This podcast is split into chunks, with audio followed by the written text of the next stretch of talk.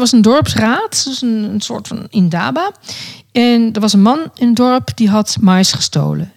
Nou, dat, dat ging als volgt. Dat, eh, kijk, ik denk dat nergens ter wereld is diefstal toegestaan. Of bij de wet geloof ik als je kinderen erg honger hebben. Maar kijk, overal is stelen een, een, een misdaad. Maar er was een, een heel dorpsberaad. Heel erg, heel erg eh, urenlang werd er gevraagd van de hoed en de rand en hoe en wat. En uiteindelijk zei het dorpshoofd, alles gehoord hebbende, zegt hij, is het natuurlijk een misdaad van de eerste orde dat Robert van ons, dat hij mais heeft gestolen. Van de tweede orde is de misdaad dat hij van ons heeft gestolen als community. Dat heeft hij ons. En dat betekent dat hij ons niet heeft vertrouwd. Er zal iets geweest, hij heeft ons niet vertrouwd. En hij heeft ons vertrouwen beschaamd.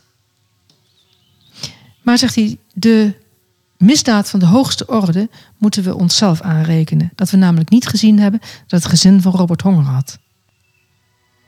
Nou, dit is, dit is Ubuntu. Welkom bij de podcast van Samenwerk.nu, een podcast over leiderschap en samenwerken. Wij zijn Karin Dommelholt, Robert Tannemaat, mijn naam is Adriaan Roest. En wij helpen leidinggevenden en teams om effectief samen te werken door gelijkwaardigheid en vertrouwen. In onze podcastserie gaan we in op actuele thema's, vragen aan onze volgers en gaan we in gesprek met inspirerende mensen op het vlak van leiderschap en samenwerken. En we hebben het eerder al aangekondigd en het kon eerder niet doorgaan en nu zijn we toch hier bij Annette Nobuntu Mul. Ik ga zo vragen naar die naam, waar komt dat vandaan? Om het te hebben over de Ubuntu-filosofie. Annette is vertrouwenspersoon, trainer, organisatiecoach, spreker. En ze is echter vooral zichtbaar in het uitdragen van de Afrikaanse levensfilosofie van Ubuntu. Ze is voorzitter van de stichting Ubuntu Nederland, oprichter van de Ubuntu Society, waarmee ze al een aantal jaren de leergang Ubuntu Leiderschap en Burgerschap en studiereizen naar Zuid-Afrika organiseert. En die leergang heb jij eh, gevolgd, hè Robert? Ja. Dus daar kennen jullie Dat elkaar is ook waar van. wij elkaar hebben ontmoet. Ja, Ja. Verder schreef ze een inspirerend persoonlijk boek en reisverslag door Zuid-Afrika en het gedachtegoed van Ubuntu in Op zoek naar Ubuntu met een S op zijn Zuid-Afrikaans. en organiseerde ze ter ere van het gedachtegoed van Nelson Mandela het boek Ubuntu Wij zijn de aarde met daarin 67 persoonlijke verhalen uit het dagelijks leven van betrokken mensen. Omdat de Ubuntu-filosofie alles te maken heeft met gelijkwaardigheid, medemenselijkheid en verantwoordelijkheid, gaan we vandaag met Annette in gesprek om te ontdekken hoe we onze kijk op leiderschap en samenwerking kunnen verrijken. Nou, dankjewel voor de ontvangst en welkom in onze podcast. dankjewel. Nou ben ik wel benieuwd als eerste vraag van wat, wat heb ik nou niet gezegd, wat jij toch wel graag over jezelf wil vertellen? Heb je iets gemist of denk je van nou, maar dit moeten jullie echt nog even weten? Of... Nee, volgens mij. Nou, wat, wat interessant is van wat je over me zegt, is misschien ook wel een westerse insteek. Het is natuurlijk een opsomming wat we gewoon zijn. Ehm, dat we vertellen eh, wie, wie is Adriaan, wie is Robert, wie is Annette. En dan komt er de opsomming van wat je doet. Ja. En dat is iets anders op doeniveau, zeg maar, dan op zijnsniveau. En dus het is een, eh, het is een westerse insteek. En die is helemaal eh, correct volgens wij in onze omgangsvorm met elkaar omgaan. Ja. Ja. Maar als ik in Zuid-Afrika woon en ik zou je interviewen, had ik je anders geïntroduceerd bijvoorbeeld? Ehm, ja, dan, dan wordt er veel meer, zoals ze in Zuid-Afrika zeggen, eh, dit gaan oor die oerbron, dit gaan oor die naalstreng. En die oerbron en de navelstreng, dan ga je dus heel erg naar je, naar je roots. Naar je voorouders en waar je vandaan komt. Dus uit, ja, ik zou zeggen dan, vertaald de kano-vraag. Uit welke kano kom je? Wij zouden zeggen, uit welk nest kom je? Ah ja. En dan is het wie ben je, is veel meer dat je de, de dochter, de kleindochter, het achterkleinkind van, eh, ja, van zeven generaties terug naar de zeven generaties die gaan komen. En daar in die stroom van het bestaan beweeg, beweeg jij, of beweeg Ja. ik en bewegen Ja. wij. ja. Ja. Je zegt iets over het veld waar je uit voortkomt en wat je met je meedraagt en ja, uitdraagt. Ik vind het ook een misschien wel ja, soms ingewikkeld om te voelen. Omdat ik natuurlijk, ja, ik ben ook een, een, een- westerse vrouw in Nederland geboren. 1960, dus al die dingen die kan ik niet ontkennen dat dat zo is in een tijdsbeeld en in Ja. een samenleving. Maar ik merk ook in de taal dat hoe, hoe statisch onze taal is. Wij zeggen ook letterlijk ik loop. En in eh, het Afrikaans zeg je van ehm, dus in in de elf talen die er zijn, is eigenlijk net als het Engels, ik, ik ben lopende. Dus er zit continu de beweging in de taal.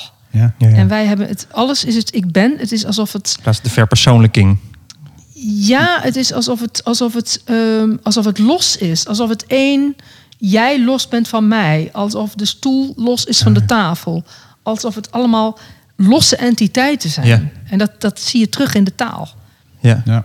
En je zegt ook Nou, als introductie over Ja. wie je bent, hè? Ja. Nou, we hebben je naam ook nog, dus de vraag. Ja, Van waar komt die bijzondere middelnaam eigenlijk vandaan dan? Hè? Nou, daar wil ik zeker op inhaken en ook met, met eh, zeker met trots. Ik ben in Nederland eh, geboren en gedoopt, katholiek gedoopt ook nog. En eh, Agnes Maria Mul, en roepnaam Annette.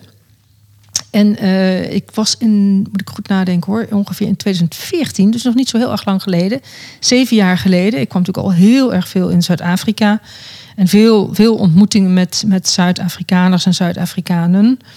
En ik licht er één vrouw, eh, familie, eh, context uit in Kajelica. En ik was in 2014 ook in Zuid-Afrika. En op een zondag zelfs werd ik gebeld. Ik was toen ongeveer duizend kilometer van de plek van Kajelica, de township, eh, af.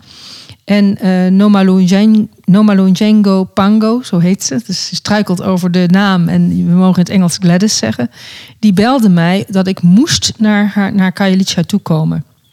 En dan praat je over een township van miljoenen, eh, een paar miljoen zwarte mensen die in, ja, in onze ogen zou je kunnen zeggen, in, in ja, uitzichtloze situaties leven.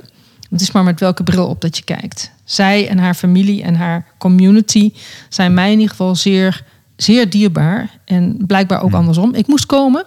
En ik, eh, ik had eerst mijn westerse argumenten van ik heb geen tijd. Maar dat, dat, dat gold niet. Ik, moest programma. komen.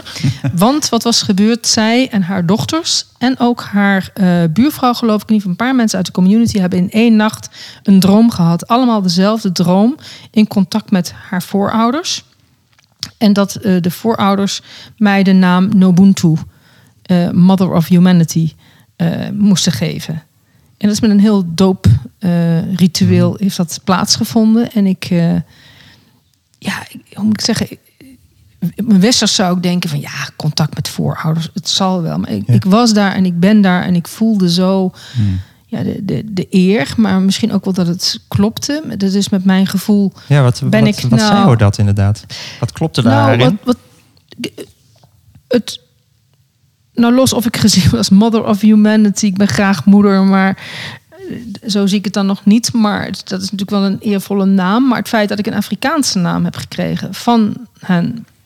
Dus dat is wel, dat klopte met het gevoel van ben ik nu Nederlands of ben ik Zuid-Afrikaanse? Waar, waar ben ik thuis? En ik kan het alleen maar gevoelsmatig zeggen.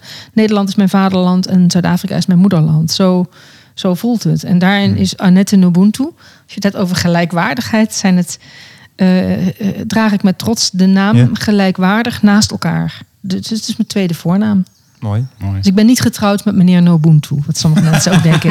Ja, dat krijg je ook, hè? Ja, ja.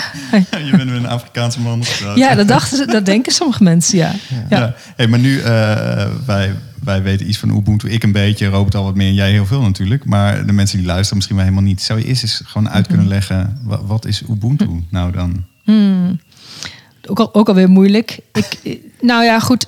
Ik, ik, ik herhaal, ik ben een westerse vrouw. Ik vind niet dat ik kan, ehm, precies kan zeggen wat Ubuntu is. Niet om het nou eh, ervan af te maken, maar dat is een, het is een zeer diep, diep geworteld mensbesef in Afrika. En het woord Ubuntu heeft wat meer bekendheid gekregen door de personificaties van, van Nelson Mandela en Desmond Tutu. Maar in, in bijvoorbeeld Gambia heet het Kilingti. Dus het, is, het woord Ubuntu is een Zulu-woord. En letterlijk probeer ik het te vertalen, is het Ubuntu Ngumuntu Ngubantu. Betekent people are people through other people. En I am because we are. Dus ik ben omdat wij zijn. En ik ben omdat wij zijn is weer iets, ja, ik moet zeggen, dieper of een verschil met ik ben omdat jij bent. Alsof wij los zijn. Ja. Dus ik ben omdat wij zijn. Daar zit dus die, die identiteit in de verbondenheid, of die autonomie in de verbondenheid. Dat is een soort inclusiviteit. Ja, dus dat de gemeenschap en de mensen, dat is, Ja. dat is één. Ja. Zo, dus het, Ja, het is ook niet los te zien van Nee. elkaar. nee, dat, Desmond Tutu noemt dat de... Ja, het is een mondiale... Hij noemt het interconnectedness. Op zijn Afrikaans interverwevenheid.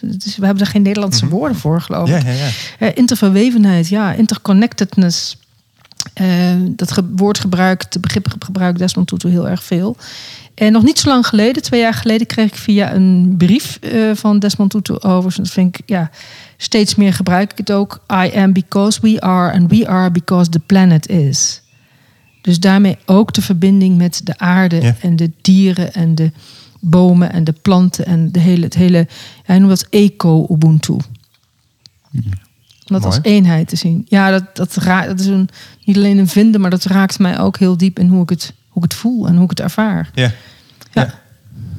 Ja, want je, je noemt al een paar keer die, die westerse filosofie en dan die Zuid-Afrikaanse filosofie. En dat het haast lastig uit te leggen is soms. Maar hoe vertaalt zich dat zeg maar naar het westerse, zeg maar, of ons Nederlandse? Ik denk dat we allemaal wel, als we terug in de geschiedenis, dat, dat ehm, wie wij zijn, is ook een historisch perspectief. Ik maak even een sprongetje naar de tijd van de, van de verlichting. De toch wel enorme eh, beweging van het humanisme en het nadruk op de autonomie. En op eh, Descartes. Ik denk, dus ik besta. De hele filosofen kunnen zeggen hoe het geïnterpreteerd is en wat hij bedoeld heeft. Maar ik denk, dus ik besta is grotendeels geïnterpreteerd van A, de ratio, het belang van de ratio. Ja. En dan ook nog ik besta, eh, los van de ander. Dus als ik maar denk, dan besta ik. En als je dat zet naast ik ben omdat wij zijn, is dat een fundamenteel andere, andere mens- en wereldbeeld. En dat in de geschiedenis natuurlijk met de industriële revolutie, met de, de wereldoorlogen, met het, ehm, ja, onze ontwikkeling in het Westen, met een gigantische nadruk op het, eh, op het ik. Dus die, die, ehm, die vrijheid, gelijkheid en broederschap, ja, dat zie je tot op de dag van vandaag, is dat nog heel erg in ons bloed en genen. Dat en, vrijheid en wat we eronder verstaan en hoe het eh, voor geknokt wordt. Wat een groot goed is.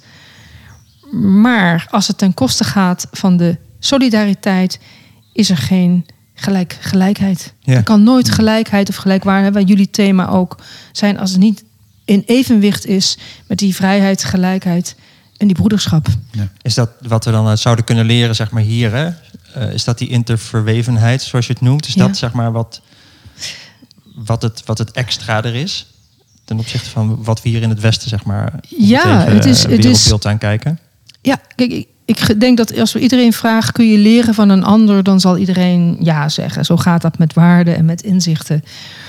Maar ik denk dat die, die interverwevenheid, die, ehm, die onlosmakelijke verbinding met elkaar, dat is niet iets wat we even erbij als een slagroom op de taart erbij ook kunnen leren of ook kunnen inzetten. Ja, ja. Oh, die situatie kunnen we even Ubuntu inzetten. Het is Het is geen tool. van als, het, als je dat beseft, als we dit beseffen, en ik denk dat ik de voorbeelden die ik daar kan geven, dat dat besef.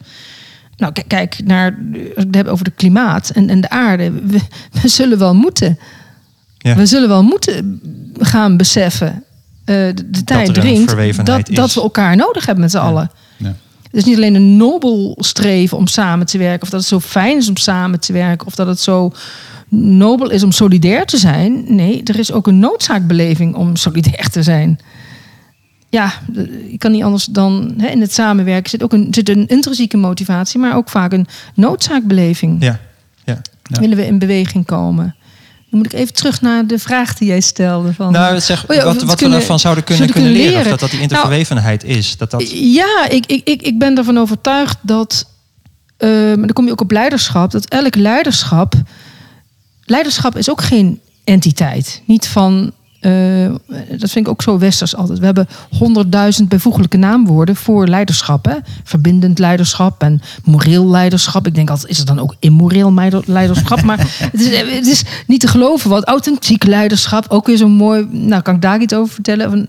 Wat authenticiteit is. In Ubuntu is authenticiteit ook niet iets wat... ehm, ja, alsof je een, een kern hebt waarmee je geboren bent. En dat ben je dus. En die moet je bewaken en bewaren. En alsof dat niet verandert. ja. Terwijl zelfs wetenschappelijk is aangetoond dat wij wel degelijk in ons brein elkaar eh, wederkerig beïnvloeden. Dus onze hersenen en ons brein verandert wel degelijk in de socialisatie met de ander.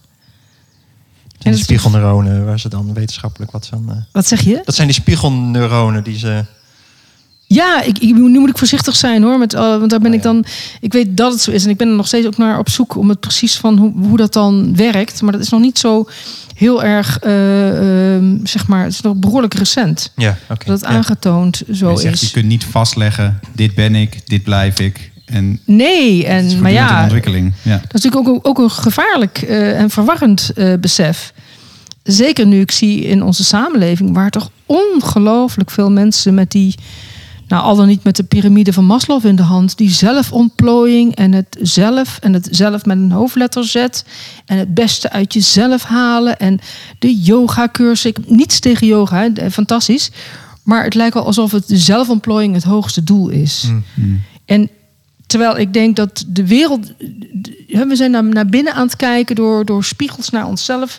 Dat ik denk, kijk in godsnaam naar buiten door het raam, want de wereld staat in brand. Een hoop dingen betreft. En hoe is, verhouden die zich tot elkaar dan? Want we kennen natuurlijk ook genoeg mensen die het goed proberen te doen voor iedereen in hun omgeving, maar zichzelf vergeten. Dus hoe. ja, ik, Ja. ik kan van alles al invullen, maar ik wil het graag van jou horen. hoe verhouden die zich dan tot elkaar? Want je moet ook voor jezelf zorgen, ja, maar nooit los van de het ander. is. Nou, je, dat vind ik ook een grote worsteling. Kijk, op het moment, het is in een context. Op, als wij nu met z'n drieën hier zitten. Mijn overtuiging is dat, ik noem het woord deelgeverschap, deelgeven. eh, eh, Jij geeft iets, jij geeft iets, ik geef iets, ook in een gesprek. En met z'n drieën hebben we een soort co-creatie. Maar dat vereist aan de voorkant wel dat wij aan, aan de voorkant toch een soort eh, uitgesproken of afgesproken of onuitgesproken, maar wel voelen een soort omgangscode dat we iets dat we ons inzetten voor een gemeenschappelijk belang en doel. Het, is al, het is gewoon zo dat het naïef is als ik de veronderstelling heb dat wij de chocola delen en ik geef de chocola en jij houdt hem lekker voor jezelf, ja, dan, dan kom ik er bekijkt af. Ja. En dan moet ik dus leren in zo'n systeem waar iedereen voor zichzelf zorgt, dat ik ook maar voor mezelf moet zorgen. En steeds meer ervaar ik dat we dan in een systeem komen, en zo kijk ik er ook naar, en dat is ook in economisch opzicht, als ik kijk naar het kapitalistisch systeem. Dus eigenlijk is of het nu om geld gaat, of het gaat om chocola, of het gaat om emoties, daar waar de een wint ten koste van de ander, daar geloof ik dus niet Ja, meer in. dan verliest het Daar, dan, dan, ja, als, als één wint, verliezen beide. Dat is in de liefde ook zo. Ja. Ja. En dat is alsof we dan omgaan met elkaar als een soort stoelendans. Waarbij we koortsachtig de hele dag maar bezig zijn. Oh, als ik maar niet als laatste overblijf. En dat is een, on, ja, een ongelofelijke uitputtingsslag. En ehm, jullie hebben het ook over vertrouwen. Maar zolang systemen in elkaar zitten als stoelendans... dan vertrouw ik jou niet, hè? Of dan vertrouw ik niet de gemeenschap dat er, dat er gewoon een stoel voor mij is. Ja. Dat er rekening mee wordt gehouden. Dat er rekening mee wordt gehouden. Dus Ja. het is ja, vertrouwen en met elkaar omgaan. Het delen is natuurlijk wel op een. Op een dat, dat vind ik ongelooflijk belangrijk dat het aan de voorkant. Dat kan bij een besluitvorming over iets zijn. Dat kan zijn in een organisatie. Maar ook in een familie. Van dit is het gemeenschappelijk belang. En dit is het belang dat we besluiten nemen wat goed is voor. Ja, ik noem dat maar eens voor allen. In plaats van één voor allen. Dus je het eens wordt voor allen. Mag hem hebben hoor. In het boek. eens voor allen. Ehm, zowel zoals we hier zitten. Als dat het bijdraagt aan de samenleving. Als dat het bijdraagt aan, aan de aarde. Ja. En je ziet dat mensen Dat is- dus eh, die gaan eh, destructief gedrag vertonen of ik veel wat, omdat ze aan het vechten zijn voor hun eigen. eh, Hoe blijf ik overeind? Zeg maar? Hoe, hoe Ja. kan ik genoeg voor mezelf houden? En je zegt eigenlijk die hele Ubuntu-filosofie is Ja. eigenlijk één grote geruststelling. Van er is genoeg voor iedereen, er is genoeg voor jou. En samen vinden we die rijkdom van het leven. En van, Ja, en ik ben niet naïef om te beseffen dat het meer moet zijn dan alleen maar de filosofie. We hebben ook in ons land, ik denk dat daar een, ehm, ja, ook politieke systemen en een wetgeving, letterlijk een, een wet zou eigenlijk ook een garantie mogen zijn. Voor hoe we omgaan met elkaar. Dus dan mogen ook dingen. Omgekeerd is dat je dingen in de wet vastlegt en, en we zoeken de, de mazen van het, van, het, eh, van het net op. Maar ik denk de, de, Ubuntu voor mij in het omgaan als, als een fundament, dat heeft, dat heeft te maken met de essentie. En ik denk dat elke essentie die waardevol is, moet een vorm krijgen. Anders vloeit het weg. Ja. Dus een- de wet is een vormgeving. Maar Ja. vormgeven is ook. Kijk, als je wil samenwonen en je houdt van elkaar, wil je ook een huis bouwen. Dus je, je, ja, ik denk dat het om essentie en vormgeving gaat. Ja, als, van, als een drager, zo, als een verankering van, van het gedachtegoed. Dat je daarmee. Ja, Ja. mooi dat je het zegt. In een Ubuntu heb je inderdaad, de Ubuntu is niet een, ehm, wordt ook vaak wel gezegd, is het niet een, een nieuw geloof of zo? Hè? Dat je ineens het met zo'n secte of zo eh, denkt, oh oh, dan raakt mijn allergie en ik probeer het ook niet. En ik kijk, eh, gelukkig, ik geloof, ik, ik kan me er niet op meest vinden in wat Mandela zegt. Ubuntu is geen, het is geen dogmatiserend geloof, het is een bron. Het is een onuitputtelijke bron van medemenselijkheid. En Ubuntu gaat dan over de bron, de pijlers, dat zijn dan de waarden. En de dragers, dat zijn wij. En het baken, dat is dan het, het, het, het hogere doel. Ja, ja. Dus de bron, de pijlers, de dragers en het baken. mooi. De- Het zijn woorden en die in mijn constructie, in mijn, helpt mij dat ook weer hoor. Ik hou toch ook wel weer van constructies en Ja, vormgeving. Het gaat samen, hè? Het, het, eh, Ja, Structuur en, ja, en, en losheid, dat hoort ook bij elkaar. ja, ik noem het essentie en vorm. Zo, Ja. En, en wat zegt dit, wat zegt dit over, eh, of wat kan dit zeggen over hoe we hier, zeg maar, in, in, in een westers land tegen Ja. leiderschap aankijken? Of wat, wat, hoe, kunnen we, hoe zou, kan je leiderschap verrijken, zeg maar, eh, als je die, die filosofie van Ubuntu Hm. en die interverwevenheid eh, daarin zou kunnen stoppen? Zo. erin zou kunnen stoppen. Ubuntu-leiderschap. Het, het is er. Ja, ja, ik maak me er ook schuldig aan aan het bijvoorbeeld naamwoord door Ubuntu te gebruiken. Maar ehm, allereerst, ehm nou ja, je hebt ook in de opleiding van, van Jo Karis dat gehad. En hij, Ja. zijn nieuwe boek komt ook uit over zin en onzin over leiderschap. Ook leiderschap is niet een, eh, een entiteit. Je kunt ook zeggen, iedereen heeft eh, leiderschap. Er is een formele en er is een informele eh, machten. Dat weten we allemaal. Ja. Dat wie iets bepaalt. Dat je, hoofd van een af, dat je hoofd van een afdeling bent, wil nog niet zeggen dat je, nee, dat je nee. een leider bent. Nee, absoluut niet. In het gedrag. Dus het is een, een, een functionele, er is altijd een, een functionele eh, macht, zeg maar. Er is een, dat weten we allemaal, een charismatische. Iemand heeft een, een uitstraling die, ja, waar een gunfactor in zit of waar je vertrouwen in hebt. Dat is moeilijk te pakken krijgen. Je proberen dat te noemen de factor X of wat dan ook. Ja. En, en je hebt natuurlijk de omstandigheden. En de omstandigheden die, die welk gedrag wanneer dan ook vraagt. En als ik dat weer zie, wat de, ik zou maar zeggen, wat de wereld op dit moment vraagt, zoals bijvoorbeeld bij klimaat, zoals bijvoorbeeld bij migranten. Er zijn vraagstukken die we niet opgelost krijgen met individueel denken.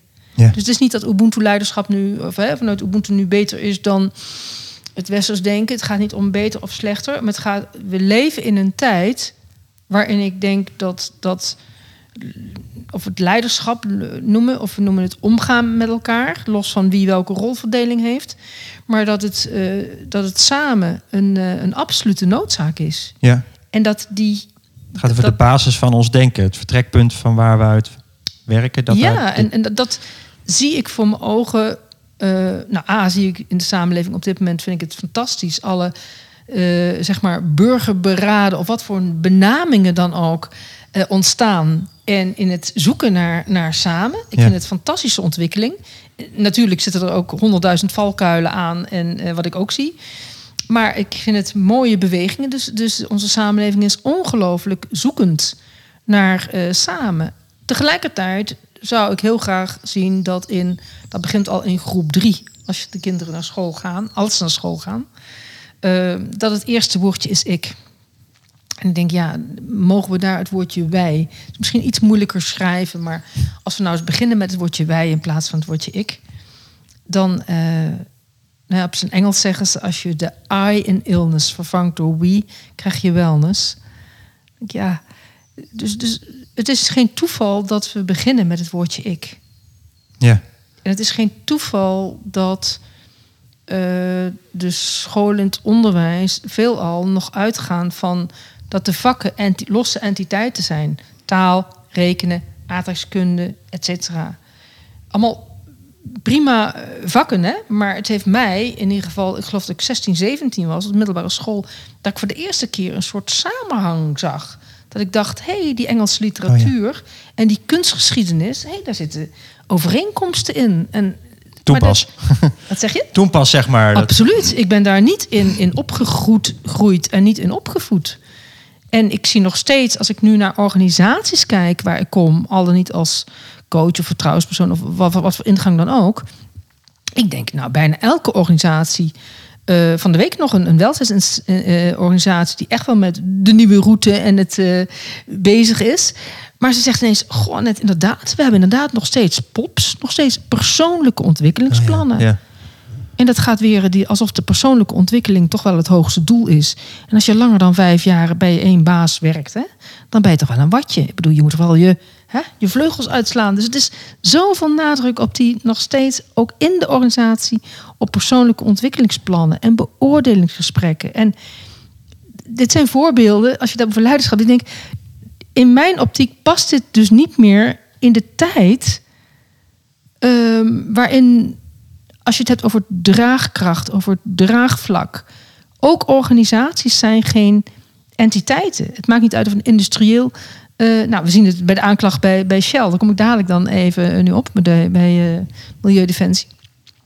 Maar organisaties, of nou een gemeente is, of een school is, of een industrie, industrieel eh, organisatie, het zijn, het zijn onderdelen van een, van een samenleving. Dus zowel de mensen die er werken als het product wat je levert, is in Ubuntu is dat die. Je kan het niet loszien, terwijl het Nee, wel het los gaat bekeken om- wordt. Het gaat om profit, het gaat om product, het gaat om purpose, het gaat om pla- planet, het gaat om people, het gaat om passion. En ehm, passion, ik bedoel, eh, pleasure. Dus het zijn de zes P's. Als die niet in evenwicht zijn en je zet het, ehm, het, het, het economische, dus de profit voorop, dan zie je wat er gebeurt Ja. Ja. in, in organisaties. Hey, en dan kom jij dus bij zo'n club eh, met zo'n pop nog. En, eh, en dan, De, eh, de club met een pop. ga je, eh, ga je met ze in gesprek en weet ik veel wat. Waar, waar ontwikkelt zich dat? Waar zou dat zich naar kunnen ontwikkelen binnen zo'n organisatie? Gewoon praktisch, Mhm. plat. Hoe, hoe, ziet dat er dan uit, zeg maar? Als dat meer Ook- Ubuntu wordt eigenlijk. Ook, ook, ik heb natuurlijk idealen en het, is, het heeft ook te maken, ik kom met leiderschap ook, hè, van eh, ook mijn rol, maakt uit welke, welke positie je, je hebt en welke positie je, je krijgt en welk vertrouwen je hebt. Of je nu als organisatieadviseur of als, dus, dus in welke, waar, waar zit je?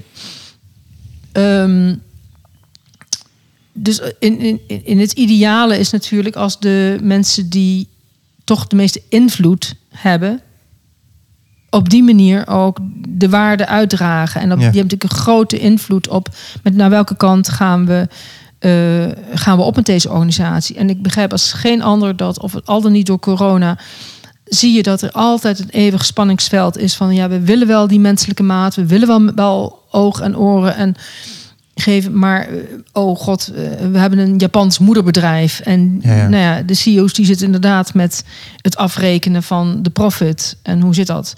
Precies, en je dagelijkse dingen gaan ook gewoon door. Absoluut. En ik, maar vanuit welke rol ik het ook doe, en ik mag daar dankbaar in zijn, soms is dat het, ehm, ik denk, neem je mensen hierin mee. Deel het dilemma.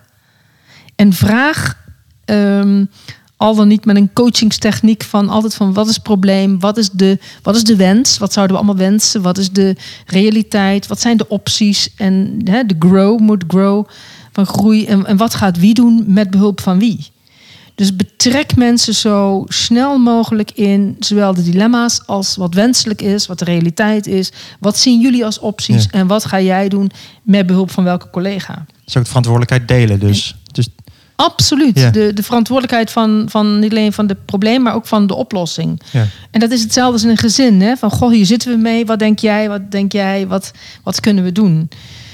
Ehm, en dat bundelen en dat ophalen en dat verzamelen. En ik zie heel veel leidinggevenden, als je leiding geeft of, of leiderschap, daar zo mee worstelen. Van, oh, ik, ik moet eh, 1 november, die word ik ook beoordeeld. En ik zie dat mijn collega er al uitvliegt. Want die heeft zijn targets niet gehaald. En die gaat dan de medewerkers daaronder onder druk zetten. Dus ik denk, deel het met je mensen. En vraag, betrek ze bij de oplossing. En wat je dan doet, is dus die, het voeden van die meaning en belonging. Die erkenning en van betekenis zijn. Ik geloof dat ieder mens in elk systeem, in een gezin, in een organisatie, in je werk, je wil allemaal erkenning en je wil allemaal van betekenis zijn. Ja. En als je dat samen bundelt, ja, dat is gewoon geweldig wat er dan kan ontstaan. Ja.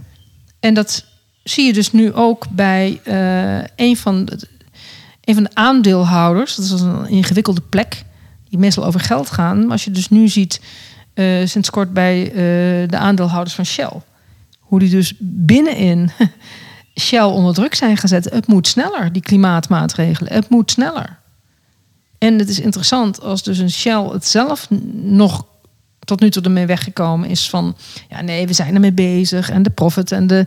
Nou, alle, alle verhalen, maar in ieder geval niet die verantwoordelijkheid zo opgepakt. Maar ook de politiek die het heeft nog laten gebeuren. En dat is nu een milieudefensie. In ieder geval, net als met Urgenda, dat die dat oppakken. Ja. Dat vind ik van ja, fantastische ontwikkelingen. Enerzijds fantastische ontwikkelingen, maar ook wel dat ik denk, verdorie, dit is een verschuiving. Politiek pak je verantwoordelijkheid. Ja. Want nu moet een, een, een aantal burgers en de rechter een uitspraak doen op wat de politiek en wat de multinational niet doet.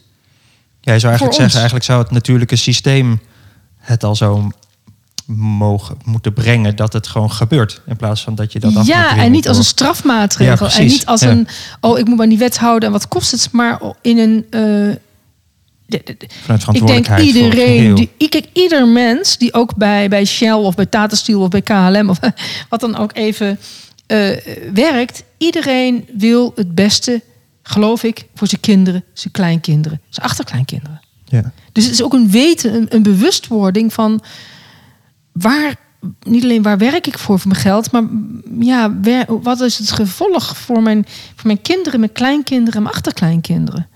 Ja. En dat is een, eh, als je dan dat ziet in een ecologisch perspectief, dus van, van de aarde en de klimaat, en in wat voor letterlijk, figuurlijk en letterlijk klimaat groeien mijn kinderen en kleinkinderen op, is wat anders dan hoe kan ik zoveel mogelijk geld verdienen en zoveel mogelijk financieel achterlaten. Ja. Ja. Ja, je, je had het nu over belonging hè, en over. Ja. eh, en je vertelde net toen we nog even buiten koffie zaten te eh, drinken over, over een boek waar je, waar je, eh, Ja, waar je aan, eh, aan werkt, over betrokken besluitvorming. Ik, Ja. ik, ik hoor daar ik hoor daar natuurlijk heel veel raakvlak in. ja. En als ik jou erover moet- hoor, dan zie ik ook een relatie tussen hoe we werken met beter besluit en consentbesluitvorming. Maar kan je er iets over, eh, over zeggen? Over hoe, je, hoe jij die betrokken besluitvorming ziet? En, in- Dus een mengeling voor mij van, ehm, ik noem het even de fundamenten van, van Ubuntu. Ehm, daarin zit ook nog elementen van gestalt psychotherapie. Daar zitten nou, een, aantal stromingen voor mij er ook in. Het is niet sec, dit is Ubuntu, maar wat in de Indaba voor mij tot nu toe eh, net anders is dan bijvoorbeeld een G1000 of burgerberaden of dingen helemaal die En de Indaba Eh, is dan, voor, sorry. de, voor de luisteraars thuis, dat is de, de vorm van overleg die Ubuntu eigenlijk draagt. Zeg ik dat goed? Ja, ja, in het Zulu-woord is Indaba en het Easy Kosa-woord met de klikken is, is uh, Legotla. Maar Indaba gebruik ik graag. Ehm, Indaba is ook gebruikt bij de klimaattop in Parijs in 2015. Oh ja. Dat is het, in- Door- iedereen zit in de cirkel en iedereen wordt gehoord. Ja, dat is Heel de, de start. platgeslagen, hoor, maar, eh. platgeslagen. Iedereen zit in een cirkel. Is waar iedereen wordt eh, gehoord.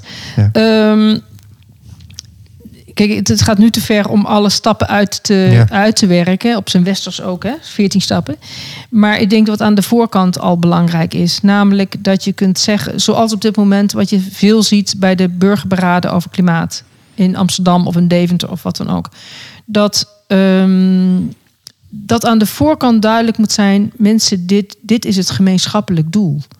Dit is het gemeenschappelijk belang, maar ook het gemeenschappelijk doel. En dat gaat verder dan nog dan wij hier aan tafel. Oh ja. Wij hier aan tafel, eens voor allen.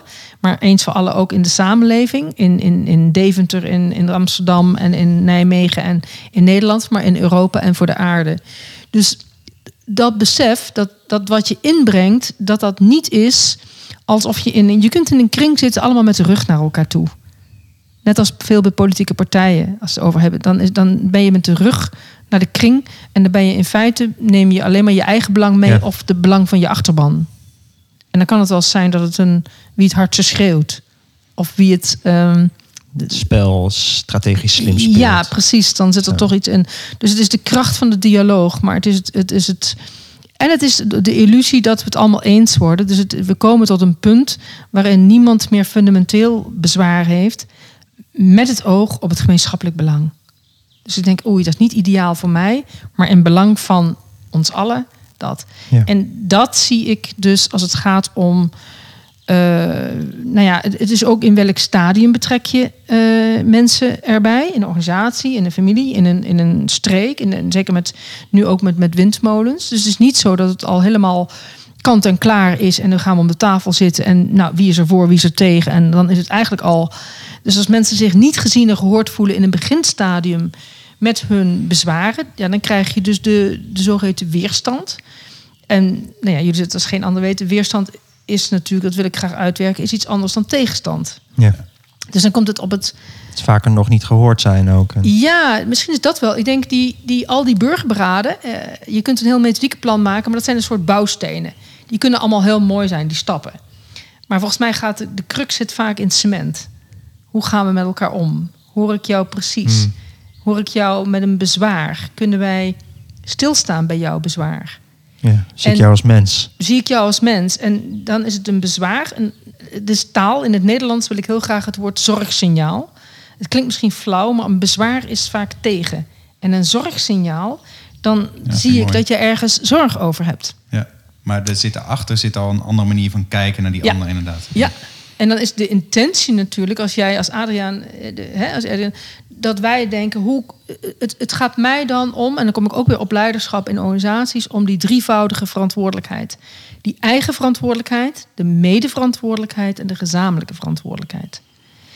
En om het ingewikkeld te maken, onder die eh, verantwoordelijkheid zit betrokkenheid. Niemand pakt verantwoordelijkheid op als we niet betrokken zijn.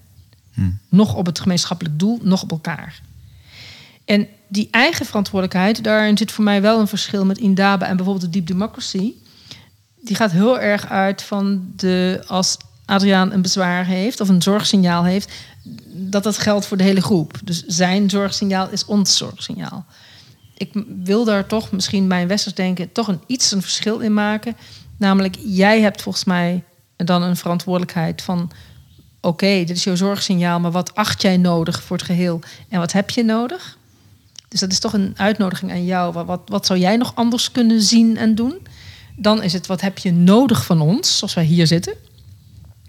Dus dat is ook de, de vraag dat, we, hè, dat je kunt vragen wat je nodig hebt om, om te komen tot het punt van geen fundamenteel bezwaar.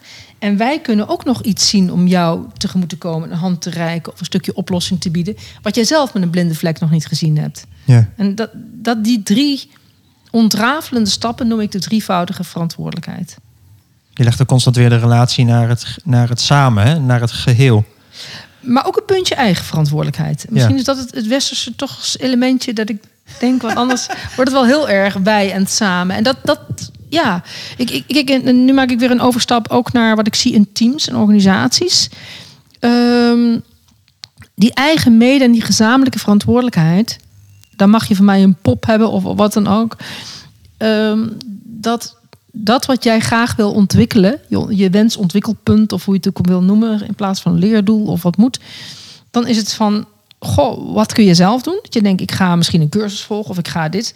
Maar wat kun, welke collega kan jou daar het beste in ondersteunen? Wij zijn altijd alle tijden dus zowel voor jouw ontwikkeling als eh mede verantwoordelijk. Als ook aan, dus zowel in ontwikkelings, eh, vanuit ontwikkelingsoogpunt, maar ook vanuit een curatief. Met curatief bedoel ik even preventie ziekteverzuim.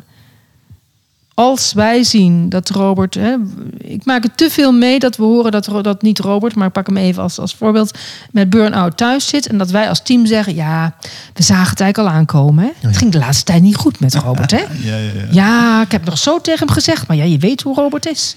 Nou, bla bla bla. Zo, zo onthand. Wat zeg je? Nee, maar ik, ik maak het te veel mee dat mensen met goede bedoelingen zeggen: we zagen het al aankomen. En het is niet een, een schuldvraag, maar wel verbazingwekkend van: goh, wat heb je daarmee gedaan? Of wat hebben we daarmee gedaan? Ja. En dan is het een, kom ik op een, ja, nou, ik denk dat jullie het ook herkennen, op een onhan, onthand terrein. Dat we dus vaak niet, we weten wel vaak, hè, wat, ja, maar zijn verantwoordelijkheid. En zijn gezamenlijke verantwoordelijkheid. Dat vinden we ook mooi klinken en dan knikken we. Maar dat ik mede verantwoordelijk ben voor jou Ja, ja. en jij voor mij. En d- dat is een gebiedje wat we, wat we heel moeilijk, denk ik, handen en voeten geven. Dat we daar niet in opgeleid en opgevoed zijn. ja. Althans, veelal. Ik generaliseer nu even. Waarbij ik dan eh, snel de neiging heb om in een team, en ik zeg het vaak, als één iemand een probleem heeft, hebben we met z'n allen een probleem. Ja. Waarbij jij wel weer toevoegt van ja, maar er blijft wel een persoonlijke verantwoordelijkheid ook aan zitten. Om daar zelf ook te zeggen van dit heb ik nodig, hier heb ik jullie voor nodig. En dat ja, je mag leren om. Dus misschien het voorbeeld van ehm, wat ik meemaakte. Dat vind ik mooi als het gaat om Ubuntu en samen en leiderschap in één. Ik, ik was een keer ooit in, het staat in mijn boek, in KwaZulu Natal. En eh, misschien ken je het verhaal van de gestolen mais, maar ik weet niet meer of ik je dat ooit verteld heb. Nou. Ja. Graag. nou, was mee in een dorp, was een dorpsraad, dus een, een soort van indaba. En er was een man in het dorp die had mais gestolen. Nou, dus dat, dat ging als volgt. Dat, eh, kijk, ik denk dat nergens ter wereld is diefstal toegestaan. Of bij de wet geloof ik als je kinderen erg honger hebben. Maar kijk, overal is stelen een, een, een misdaad. Maar er was een, er is een heel dorpsberaad. Heel erg, heel erg eh, urenlang werd er gevraagd van de hoed en de rand en hoe en wat. En uiteindelijk zei het dorpshoofd, alles gehoord hebbende, zegt hij... is het natuurlijk een misdaad van de eerste orde dat Robert van ons... dat hij mais heeft gestolen. Van de tweede orde is de misdaad dat hij van ons heeft gestolen als community. Dat heeft hij ons. En dat betekent dat hij ons niet heeft vertrouwd. Er zal iets geweest, hij heeft ons niet vertrouwd. En hij heeft ons vertrouwen beschaamd. Maar zegt hij, de misdaad van de hoogste orde moeten we onszelf aanrekenen. Dat we namelijk niet gezien hebben dat het gezin van Robert honger had. Nou, dit, is, Ja, dit is Ubuntu. ja. Wauw. Het is een fundamentele andere kijk op Ja. samen dan En dat we doen. dan, en dan is dus als iemand dus een, noem het een misdaad of een fout of een foutje of eh, groot of klein, dan is dat dus niet los van, ehm, van restorative justice, van eh, herstelrecht. Noem ik het even in, in een samenleving, maar in een, in een kleine community is dan dus van hoe kunnen wij het voorkomen dat we zien dat, dat we niet zien dat, dat ja, jouw gezin honger heeft. Hoe kunnen we voorkomen dat een ander gezin dat we dat niet zien? En wat kunnen wij daarvan leren? En in dit geval dus ook Robert. Maar wat hij te leren wel is om hulp vragen. Ja. Dat, Ja, ja. dat is iets wat we hebben hij. allemaal wat te leren. we hebben allemaal iets te leren. Ja. Precies. Dat bedoel ik met het individuele dus ook. Ja.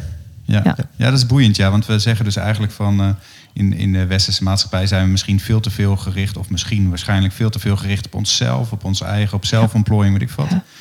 Maar ergens eh, missen we ook eh, dat we de verantwoordelijkheid nemen voor het geheel dus. Dus ergens hebben we ook nog wel een klus met onszelf te klaren. Dus ergens eh, door te... Is het een beetje te nu wat ik zeg? nee, nee, nee, nee. Ik, ik, kijk, ik kijk er dagelijks naar. Ik bedoel, het is heel actueel. Ik weet dat het heel gevaarlijk is wat ik nu zeg, maar ik zeg het wel, omdat ik het zo, daar zo naar kijk. Kan het Ehm, altijd nog uitknippen. ja, ik wist het zo. Nee, er is blijkbaar. We, we, we hebben in de sport bedacht. Wat ik fantastisch vind. Want sport heeft iets, iets zowel competitiefs als iets coöperatiefs. Dus handbal is samenspelen. Maar je wil wel de andere handbalploeg verslaan.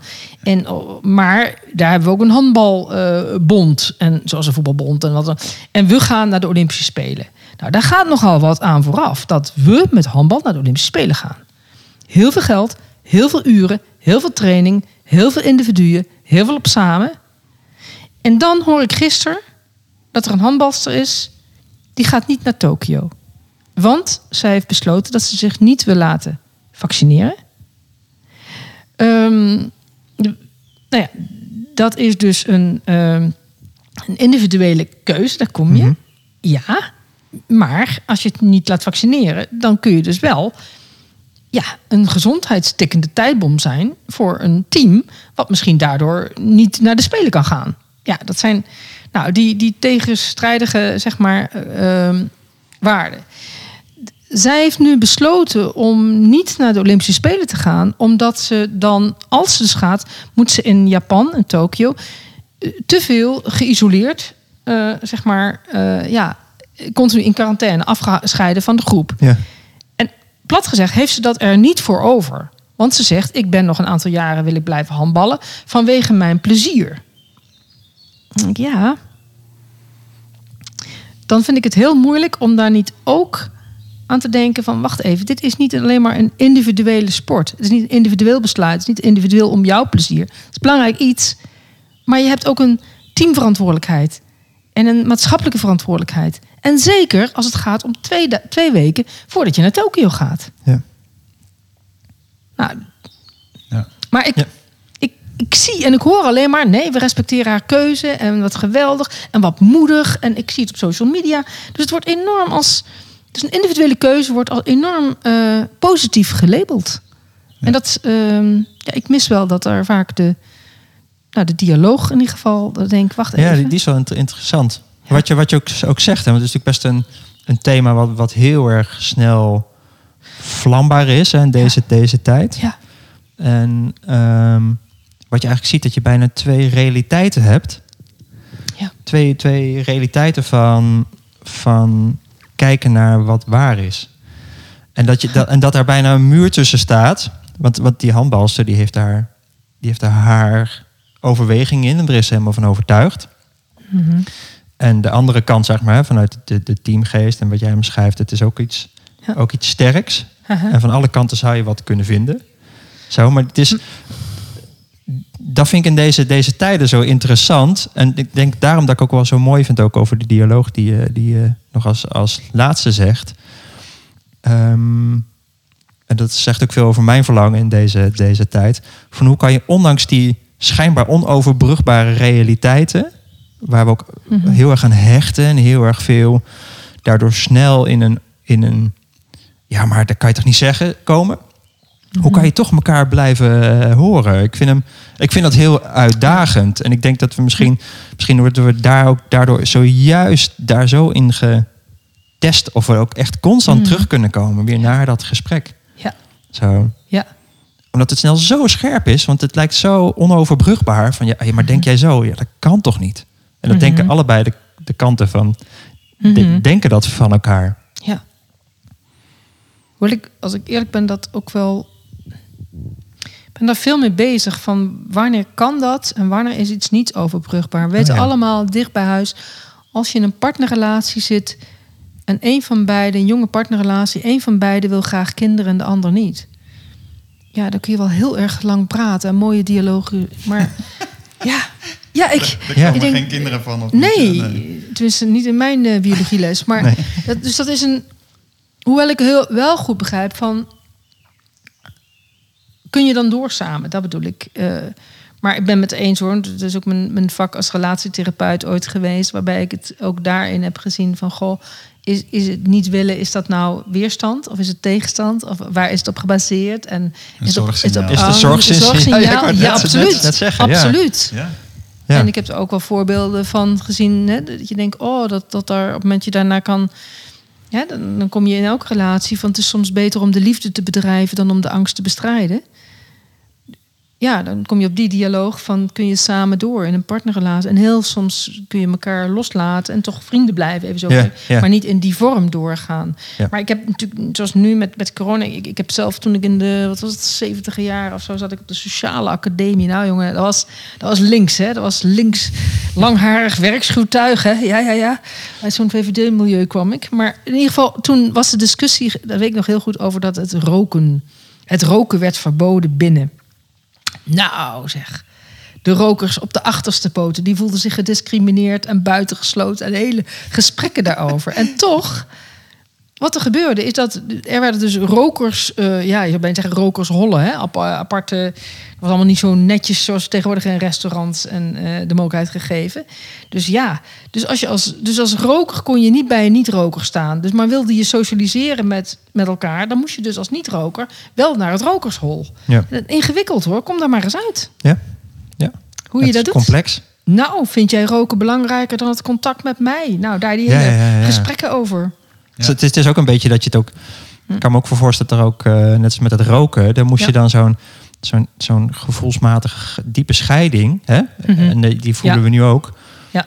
Eh, ehm, zo kan je dat uithouden. Kan je daartoe verhouden zo, hè? nou, volgens mij komt het Zonder hem scherper te maken. Daar, daar ben ik even... Ja, uiteindelijk komt het volgens mij wel. Dan komen we toch weer terug op die vrijheid. Dat fundamenteel dat mijn vrijheid op, ophoudt bij de grens waar ik jouw schade berokken. Ja. En of het nou in, in een klein, ik kan er lacherig over doen met roken, maar het gaat wel om dat thema. Ja. Het gaat erom of je echt, mogen we hopen, er goed voorgelicht zijn, dat als ik een tikkende tijdbom ben eh, voor iemand anders om corona te krijgen, kan ik wel zeggen dat ik gezond ben en dat mijn lichaam het aan kan. Maar als ik op bezoek ga bij een wat ouder iemand die zo kwetsbaar is en ik steek die aan, ja, dan, dan, ben ik, dan heb ik daar een verantwoordelijkheid in. Mhm. ja. Dat is een. Dat bedoel ik met die eigen mede en die gezamenlijke verantwoordelijkheid. Je komt op die, je komt op die grenzen van vrijheid. Wat is vrijheid? En ik denk dat de vrijheid niet bestaat zonder solidariteit. Nee. En waarbij de dialoog het belangrijkste is. Hè? Want ook Ja, hier is weer zoveel over te zeggen. Ja, En eh, dat maakt natuurlijk soms wel ingewikkeld ook. In, eh, ja, we moeten eerder af gaan ronden dan dat we nu in het vaccinatiedebat duiken. maar dat kan natuurlijk ook al wel weer snel gezegd worden. Ja, iedereen moet zich laten vaccineren, want we doen het met z'n allen. Maar daar is ook zomaar de dialoog uit, weet je wel. En die, en die hele wens, eigenlijk die, die zorgsignalen die ook komen vanuit mensen die zeggen... ja, ik laat me niet vaccineren. Of zo'n eh, mevrouw Brog, de handbalster. Dat dialoog, volgens mij is dat de essentie. Hè? Dat we wel verschillende dingen kunnen denken... maar dat we samen in gesprek gaan om te kijken... Hey, hoe doen we dit op een manier die goed is voor Ja. iedereen? ja, Ja. Ja. ja. En dan kan je nog steeds dat het. Dan kan het nog steeds vrij zijn en sociaal, hè, want dat, daar gaat het dan over. Ja. Eh, maar waar je het dan moet hebben over welke strategieën gebruiken we dan om daar te komen. Zo, dus dan. Ja, maar ik ik ben met Adriaan eens. Ik denk dat dat aan de voorkant vaak expliciet gezegd mag worden. Hoe, hoe kunnen we komen tot, tot een punt, noem maar even, wat, ehm, wat goed is voor ons allemaal? Ja. Of wat, niet scha- of wat soms niet schadelijk is voor ons Ja. allen, voor Ja. één van ons. Zo, zo dat. En als je dat, daarin mogen we echt wat meer opgeleid, opgevoed, ook ik hoor, eh, worden en ja, blijven en worden. Ja, wat je ook allemaal kan uitvoeren. En net zoals je zegt met die en betrokken besluitvorming, dat Ja. je daar eigenlijk geen overwegend bezwaar meer tegen hebt. Dus je kan, Mhm. allemaal kan je, kan je het uitvoeren.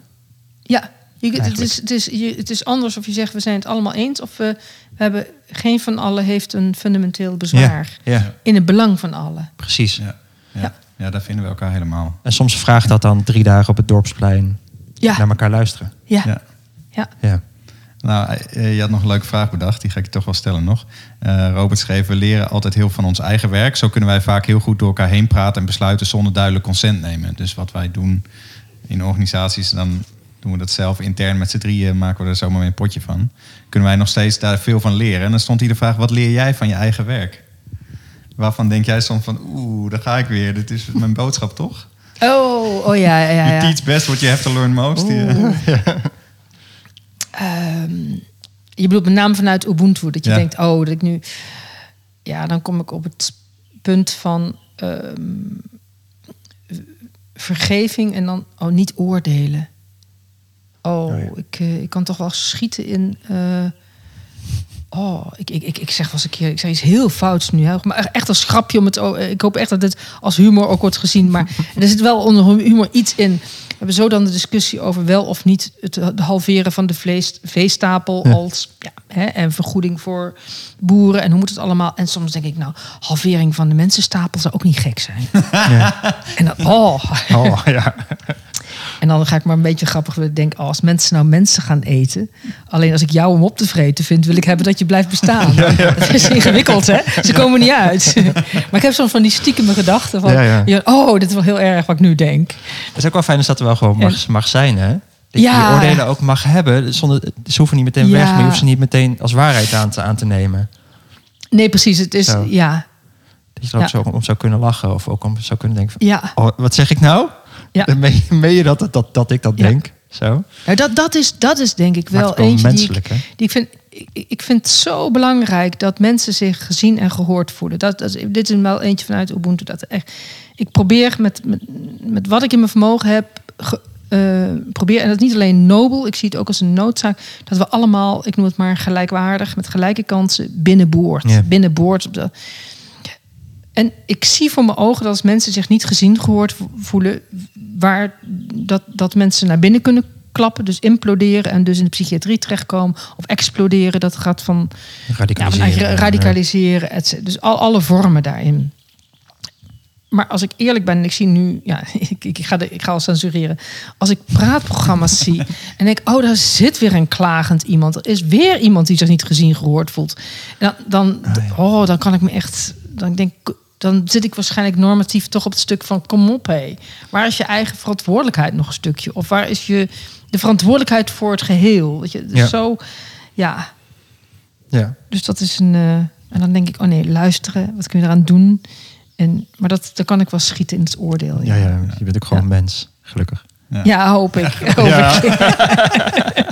Ga je maar anders naar je kijken nu? Nee, nee, nee. Hey, eh, hoe is, ja, ik, ik, ik had gedacht, van, nou, op een gegeven moment zijn we klaar en dan stoppen we gewoon. Maar ik denk dat we gewoon een keer moeten stoppen, ook al zijn we nog niet klaar. Want Oh, ik heb nog duizend dingen die ik zou kunnen vragen. Ja, Ja? nou, heb je nog één vraag waarvan je zegt van ja, die, nee, die- hier wil ik gewoon nu nog heel even op door. We zitten Ja, al, ik heb niet, over- direct- niet meteen op- allemaal vragen op op, maar wel dat ik denk van... Het is, het is zo'n gesprek waar je zo heel lang in door kan verdiepen en kan eh, zoeken. Mhm. Dus eh, Ja. ja. Nee, voor, voor mij is het rond. ja, misschien heb ik nog wel een. Heb jij nog iets te zeggen ja, eh, misschien bedenk ik even dat. te maken? Nou, dat in ons westers denken, dat vind ik misschien wel als die erin geknipt kan worden of geplakt kan worden. Ehm, dat heeft te maken met, met de complexiteit van hoe we naar de samenleving kijken. Ehm, we zijn geneigd om gefragmenteerd te denken en ons te specialiseren. En op, op kennisgebied, eh, specialisatie is natuurlijk ontzettend goed en belangrijk. En als jij, nou, als jij een oogafwijking hebt, die gaat naar de oogarts, wil je ook de beste, even zo gezegd. Maar in die, die, het is een, een natuurkundige wet dat eh, hoe verder de specialisatie, hoe groter de afstand, dat je het geheel nog ziet. Ja. Hmm. En dat is een. ehm, dat ik zie dat daarmee ook iets los is komen te staan. Dan krijg je weer dat, dat, dat entiteitsdenken en niet Ja. in een geheel. Hè? Dan is jouw oog niet een onderdeel van jouw lichaam en niet van wie jij bent in een groter geheel. Dus het is misschien wel mogelijk met dat oog dat ik probeer van oog voor het detail en kijk op het geheel. Ja, ja. Dat we dat in- en uitzoomen Dus blijven cultuur zijn een beetje doorgeschoten aan de ene kant. En het mag een soort in balans komen. Je mag en dus gespecialiseerd zijn, maar je mag ook, we mogen ook eenzelfde kracht en waarde toehechten aan. Ja, zie je in het geheel. ik denk die specialisatie als onderdeel van een groter geheel. Ja, Dat, ja. dat dat zo nodig Ja, ja. is. En niet als streven. Nee, niet als, niet als, als losstaand streven, nee. Ja. nee. Mooi. Hey, als jij nou eh, de luisteraar nog eens een eh, boekentip zou geven. Ja, je kunt natuurlijk je eigen boeken. Die kunnen ze, ik zal ze even in een linkje erbij zetten. Kunnen ze die sowieso doorklikken. Ja? Maar wat voor boek of welke twee boeken zou je aanraden? Van, Hmm. ga dat eens lezen. Of dat zijn boeken die me lief zijn. Die ik graag weggeef op een verjaardag. Of, Zeer actueel eh, is het, het boek, het recent uitgekomen boek Bezorgde Brieven. Het is een boek van Jan Terlouw en Marjan Minnesma van Urgenda. Waarin zij niet alleen eh, zeer met alle wijsheid, eh, wetenschappelijk bewijzen, bezorgd zijn natuurlijk om de klimaat en om de aarde en de biodiversiteit, maar ook met oplossingen komen. Mooi. Dus het is eh, echt een absolute aanrader. Even denken hoor. Goh, nu overval je me. Wat een. Overval Nou, je me even. Dat mag ook dit boek zijn. Dit Dan boek is- dan. Dit, dit is ja, een- Wanneer- straks, straks denk ik van, oh ja, die natuurlijk. Wanneer nog. komt jouw boek uit? Mijn boek, mijn streven, ja, mijn streven is. dat je gaat eh, deze zomer schrijven. Ja, dat klopt, 5 december. En waarom niet 5 december? Niet als Sinterklaas, maar het is de Eh, ik ben een beetje bijgelovig in ehm, getallen. Dus mijn eerste boek kwam uit op 18 juli 2018. De dag dat Mandela 100 jaar geworden zou zijn. En 5 december is zijn sterfdag. Ja. Dus mijn streven is 5 december. Dat het eh, boek van de Mooi. Indaba... Ja, de betrokken besluitvorming. Wat zeg Heb je al een titel? ja, de hoofdtitel is gewoon in Indaba. Indaba. En de subtitel is betrokken besluitvorming vanuit Ubuntu. En vanuit omdat het weer die bron is. In plaats van volgend, alsof je maar een stappenplan en regels moet volgen. Ja. Ja. Ah, yes. Mooi. Mooi. Nou, die gaan we ook nog wel tegen die tijd een keer eh, noemen, want die wil ik zeker lezen. Mm. We hebben nog één zo'n vraag, die horen we heel vaak in andere podcasts. Vind ik gewoon een leuke vraag. Stel, er staat een billboard langs de weg waar elke dag duizenden mensen langskomen. En jij mag daar een quote op zetten. Wat komt er op te staan? Oh, oh, oh, oh, oh. Had, had ik hier niet kunnen, voor kunnen bereiden. Ehm, op dit moment schiet me het gewoon te binnen eens voor allen. Eens voor Eens voor allen. Mooi. We zijn het eens voor allen met elkaar. Ja. Maar ook voor allen. Ja. Dus niet alleen eens met elkaar, maar eens voor allen. Ja. Gaaf. Fantastisch. Mooi. Mooi om het rond mee te maken. Ja. Dank je. Dank je voor je Nou, ontvangst. Jullie ook, voor je gesprek. Ja. Ja. En als jij luisterde, dan zijn we ontzettend nieuwsgierig wat je hiervan vond. Dus eh, laat het ons horen of deel het op social media en eh, vertel het aan anderen. En eh, we willen graag dit verhaal van samen en verbinding en dat grotere geheel verder brengen dan alleen zo'n gesprekje hier in een kamer met z'n drieën. Dus eh, deel het met anderen en eh, laat ons weten wat je ervan vond. En dan hebben wij nog één aflevering te gaan dit seizoen en wij weten nog niet wat we gaan doen. Nee. Dus eh, dat ga je over twee weken horen en dan weten wij het dus inmiddels ook. Doei. Doei.